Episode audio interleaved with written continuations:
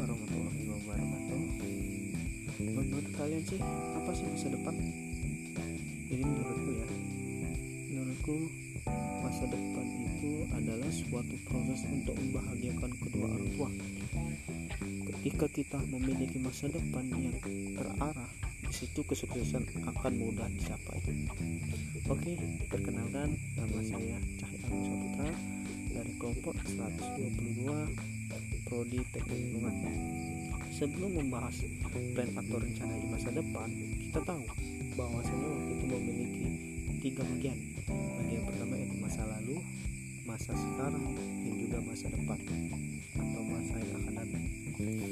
Dan di sini saya akan menjelaskan sedikit dari tiga bagian tersebut bagian yang pertama adalah masa lampau. Masa lampau adalah masa yang ada pada zaman dahulu atau masa yang terjadi sebelum saat ini. Yang kedua yaitu masa kini atau masa yang terjadi pada saat ini juga. Dan masa yang ketiga yaitu masa yang akan datang yaitu masa yang dibayangkan akan datang setelah masa kini terjadi. Oke itu sedikit penjelasan dari saya. Jadi di sini aku akan mengasih tahu tiga rencanaku untuk menghadapi masa depan. Aku memiliki rencana pendek rencana menengah dan juga rencana jangka panjang. Yang pertama aku akan menjelaskan rencana jangka pendek. Rencana jangka pendek aku membangun kebiasaan sehat. Seperti kebiasaan Gary dengan yang baik-baik. Seperti bangun pagi bantu orang tua belajar jujur dan melaksanakan jangan yang telah diberikan oleh orang tua. Yang kedua yaitu rencana jangka menengah. Rencana jangka menengah ini yaitu membuat poin prioritas yang mana yang harus didahulukan yang mana tidak kebiasaan yang struktur dan terukur untuk melaksanakan rencana jangka panjang. Yang ketiga yaitu rencana jangka panjang.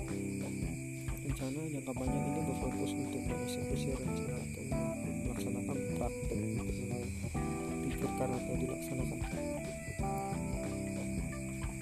Jadi rencana jangka panjang ini